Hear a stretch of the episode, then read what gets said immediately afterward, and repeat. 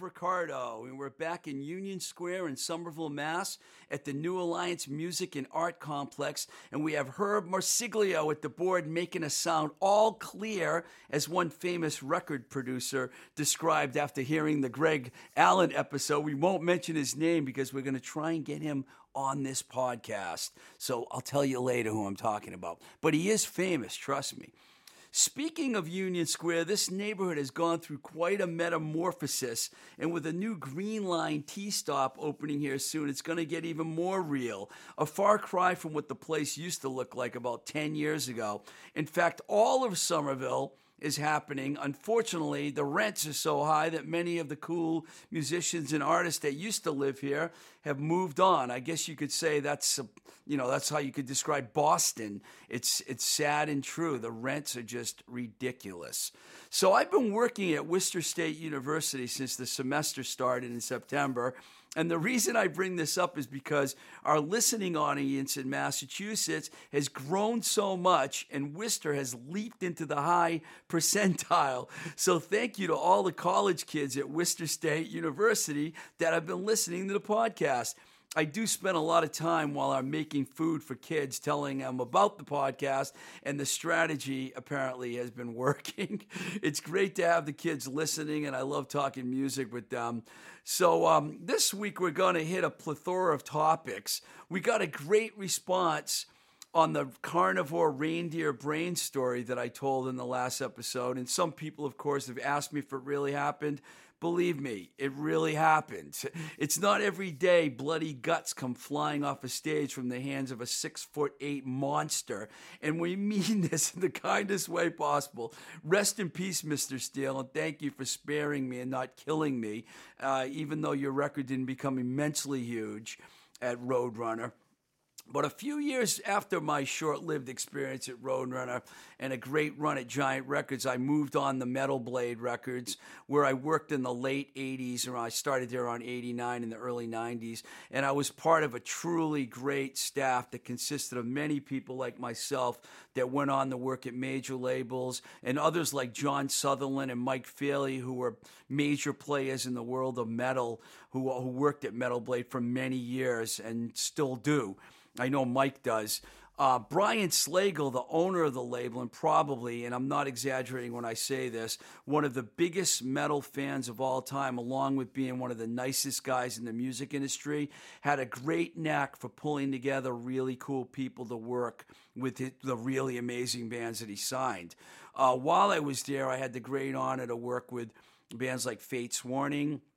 Lizzie Borden, Intruder, UFO, DRI, Eviction, Princess Pang, Armored Saint, and you know, the list goes on and on. I was the director of marketing sales, so my job mostly consisted of dealing with our distribution partners with the time uh, while I was there, it was Enigma, then SEMA, and then Warner Brothers. And I also dealt directly with retail. I basically wrote marketing plans and implemented them with the help of our great staff, both in California and New York City. But like a lot of independents in those days, you wore many hats. Like, for example, I served as product manager for Intruder and Viking and actually was the one that signed Eviction to the label through my long relationship with Rob, guitarist Robbie Tabachka, who worked at Eide's Records in Pittsburgh, which was the cool hip indie store in Pittsburgh back then and still actually still exists. We also did a lot of work with Mages where a label would come to us – and ask us to get the ball rolling on a grass grassroots level with new bands. So we did work for bands like Soundgarden, Mother Love Bone, Circus of Power, Jane's Addiction, and that list goes on and on. It was also through uh, this through this marketing job that I ended up meeting Brian Huttenhower, who signed Soundgarden, and later hired me to work at A&M Records. So working with these guys had its perks. In fact, I, I was extremely lucky one time to meet Jeff and Stone from Mother Love Bone and previously Green River, and of course later Pearl Jam when they stopped, stopped by the office at 8.30 in the morning upon arriving in L.A. to play a show that night at the Whiskey. Uh, Mike Faley and I were usually the first ones in the office every morning at that time. So there I was talking hoop with Jeff and Stone. Uh, if you didn't know, a really big basketball fans. Every real Pearl Jam fan actually knows that they were playing under the moniker Mookie Blaylock in their early days. Mookie was, of course, a guard for the Atlanta Hawks. I consider myself fortunate to have witnessed the massive appeal of Andrew Starwood and Mother Love Bone at the Whiskey that night when they opened for Dogs D'Amour, which was really their only national tour before Wood passed on passed away, I should say, and even before the the debut um, of the Mother Lover Mother Love Bone album was released. Um, reason I'm talking about Metal Blade is I wanted to bring this up. Uh, one really unique band that was signed to the to Metal Blade that really didn't fit in on the roster was the Goo Goo Dolls. Uh, following the release of their self titled debut album in 1987, we released Jed in 1989 and Hold Me Up in 1990 before the band moved on to be part of the Metal Blade Warner Brothers deal and released what I think to this day is their best album, Superstar Car Wash. This all preceded A Boy Named Goo and seven more records and the massive commercial success the band received and is still receiving. In fact, I remember putting together this in store for them at Moby Disc Records in Sherman Oaks in the Valley, which was just down the road from the metal, the old Metal Blade office. And there are photos to prove that it really happened. And there were only about 12 people there. Nevertheless, the band went on to become big rock stars. Diana Cass, who was part of the great staff at Metal Blade, was instrumental in helping develop them uh, over the years and worked with them for many years after that. Uh, the reason I'm bringing all this up is because the Goo Goo Dolls, um, I saw a recent post on Facebook on a replacements Facebook page, and people were actually ripping them apart.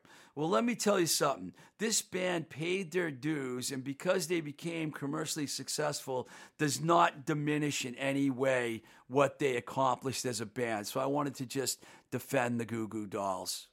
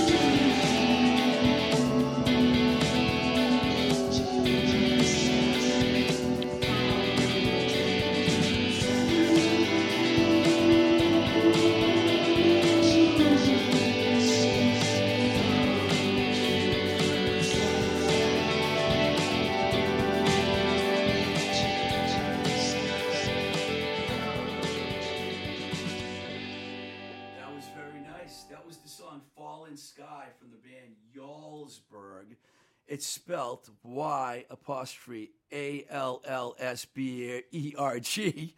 Uh, this band comes to me from my old friend Spencer James, who spent a significant time in the Boston music scene and played in a band I used to really dig called Tip 14s, who had a song that I truly loved called Mr. Riley. Um, I actually wrote Spencer this morning because I wanted to ask him about the name, and I'm going to read you exactly what he he just responded a little while ago. Um, he said, Y'allsburg is simply y'all, the symbolic southern phrase mixed with Allsburg, the last name of our frontman, Jeff Allsburg. okay. hey, you know, it's hard to find original names these days, so I'm going to I'm to go with that. Y'allsburg is as I just mentioned Spencer James and uh, Jeff Allsburg and Craig Elliott. And this track features special guest appearances by Bill Fallon, who actually was in Tip for Teens, and Matt Mafera. Really cool stuff. Thanks for sending it over, Matt Spencer. And, um, you know, Spencer listens to every episode of the podcast. So when he told me that, I said, well, send me one of your tracks, man, and I'll play it on my show. And so that's how it works. so, um, okay, I'm going to shift gears here. So, um, just the other day, I was listening to the Gang Green Another Case of Brutality album. That's right, of all the Gang Green records, that's the one I was listening to. This was the band's sixth album. It was released on Taang Records, like most of their records, in 1997. It was recorded recorded by Sir David Minehan of the Neighborhoods, and more, more recently, the Replacements, at his Capertown Sound Studio which was Dave's original studio at the original New Alliance building at 1312 Boylston Street in Boston. Long be, this was long before he officially started Woolly Mammoth, which is his label now. Uh, Minehan and that building are two things that I frequently mention on this podcast for obvious reasons. My connection with New Alliance and I worked with the neighborhoods for a long time. I think it was episode three. We talked about them for a while. If you want to go back and check that out, I gave talked about their whole career. But today we're going to talk about Gang Green a little. I remember the recording process for that record for a number of reasons because Minehan had just worked with Three and a Half Girls, made their record, and since my Twisted Rico office was also in the New Alliance building, we, we ran into each other a lot. And I was also friends with Chris Doherty and Walter Gustafson, uh, who was also in the Outlets. Those two Gang Green members um, who played on a few records together, mem- most memorably Another Wasted Night, co produced a record with Dave. It was years before, in fact, in 1985, that the Outlets and Gang Green both were camped out in my apartment in Torrance, California for a couple of weeks while they were playing shows all over California. So, uh, needless to say, we got to know each other quite well. It was, I think I almost needed to be hospitalized after the bands left because it was complete chaos at my house for like two weeks. But um, back to the Another Case of Brutality record. I was also part of the gang background vocals on two songs on the record. I'm very proud of that. Yes, I am honored to be credited on the record for my fine singing, if you want to call it that, on the songs Out on the Couch and the cover of the great Stiff Little Finger song Suspect Device. In fact, I have tremendous bragging rights to have said that I sang on a track that both Gang Green and Dave Minehan played on, because Minehan contributed the great lead in the song Out on the Couch. It's really one of my favorite songs on the record. I'm not just saying that because I get credited as one of the gang vocalists with an all star Boston rock gang of misfits, I'll say, on that record as well. But another case of brutality really is a highly underrated record from the Gang Green catalog. In fact, the reliable music site All Music calls this record, and I quote, the band's most accomplished effort. Okay, I'm not sure I would go that far because I think Another Wasted, Wasted Night is one of the greatest hardcore records ever made. It's really hard to compare any of their records to that. They went a little metal for a while when they were on Roadrunner, but Another Wasted Night with the Stilphen brothers and Walter and Chris Doherty, that to me is the consummate uh, Gang Green record. Of course, it contains the song Alcohol, which became even more famous when the Dropkick Murphys started playing it in their encore every night for a few years. And a lot of people thought it was a Dropkick Murphy song, but in fact, it, it, it was a Gang Green song. And um, I tried to reach out to Curtis at Taang for a quote, but he was apparently busy surfing at his beach house in San Diego or something like that. I gave Curtis the chance to tell me what he thought about the record, but I didn't hear back from him. He asked me, "Oh, where can I hear your uh, podcast uh, and stuff?" And I'm like, "Just forget about that. It's on iTunes. It's on Google Podcast. Just send me a quote on this record." Never got the quote, but I forgive him. Um, I before I go, I, there's a couple other things I want to mention um, about place I spent the last five years before I moved back here in February, and I made a lot of great friends. And that was the Steel City, Pittsburgh, Pennsylvania. Uh, as many of you know from some past episodes, or many may not, I was involved with Baby Loves Tacos. And uh, Zach, the owner who started it, I was his first employee. I helped him get the company off the ground. That's right, I made tacos for two years. It was a great pleasure. well, I'm really happy to tell you that my good friend Zach is opening a second location in Millvale, which is technically part of Pittsburgh, but it's it's considered its, its own town. It's right across the Allegheny River from Bloom from uh, Lawrenceville in Bloomfield. It's probably like two miles from the actual Baby Loves Tacos location, maybe a couple more. I'm really happy for those guys. Really happy for him. He's a hardworking dude. Came a long way with his company, and now he's got the most popular taco and burrito joint in all of the city of Pittsburgh, which everyone knows about. Baby loves tacos. If you want to, if you're ever in town, they're at 4508 Liberty in Bloomfield. And uh, you could follow Baby Loves Tacos on Instagram at Baby Loves Tacos. And uh, if you're there, you will not regret the food. Check it out. Also, Nina, who's our unofficial uh, Blowing Smoke with Twisted Rico model, is opening a coffee shop called the Moonbeam Cafe in Oakmont, which is also just outside of Pittsburgh. And ironically also on the Allegheny River. It's at 630. It's going to be at 636 Allegheny River Boulevard. You can follow Nina's new company, Moonbeam Cafe. It's at Moonbeam Cafe at Instagram. I think they're opening in a couple weeks. Uh, check it out, and uh, she'll give she she'll keep you updated. I'm still waiting to get another video from Nina. I know she said she said she made one. She'll be sending it over. I'll be posting it on YouTube. Um, please email me at twistedrico at gmail.com or follow me on Instagram at twistedrico. We would love to hear your thoughts on the podcast, questions, whatever, requests, whatever you like. I'm very open minded. Also, please consider supporting us for $1 a month on our Patreon page, which is www.patreon.com slash forward slash Twisted Rico. That's going to do it this time around. So till the next time we say goodbye, this is Blowing Smoke with Twisted Rico. I'm your host, Steve Ricardo. Let's keep the rock and roll alive.